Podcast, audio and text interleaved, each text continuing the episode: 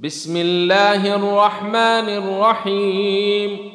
اريت الذي يكذب بالدين فذلك الذي يدع اليتيم ولا يحض على طعام المسكين فويل للمصلين الذين هم عن صلاتهم ساهون الذين هم يراءون ويمنعون الماعون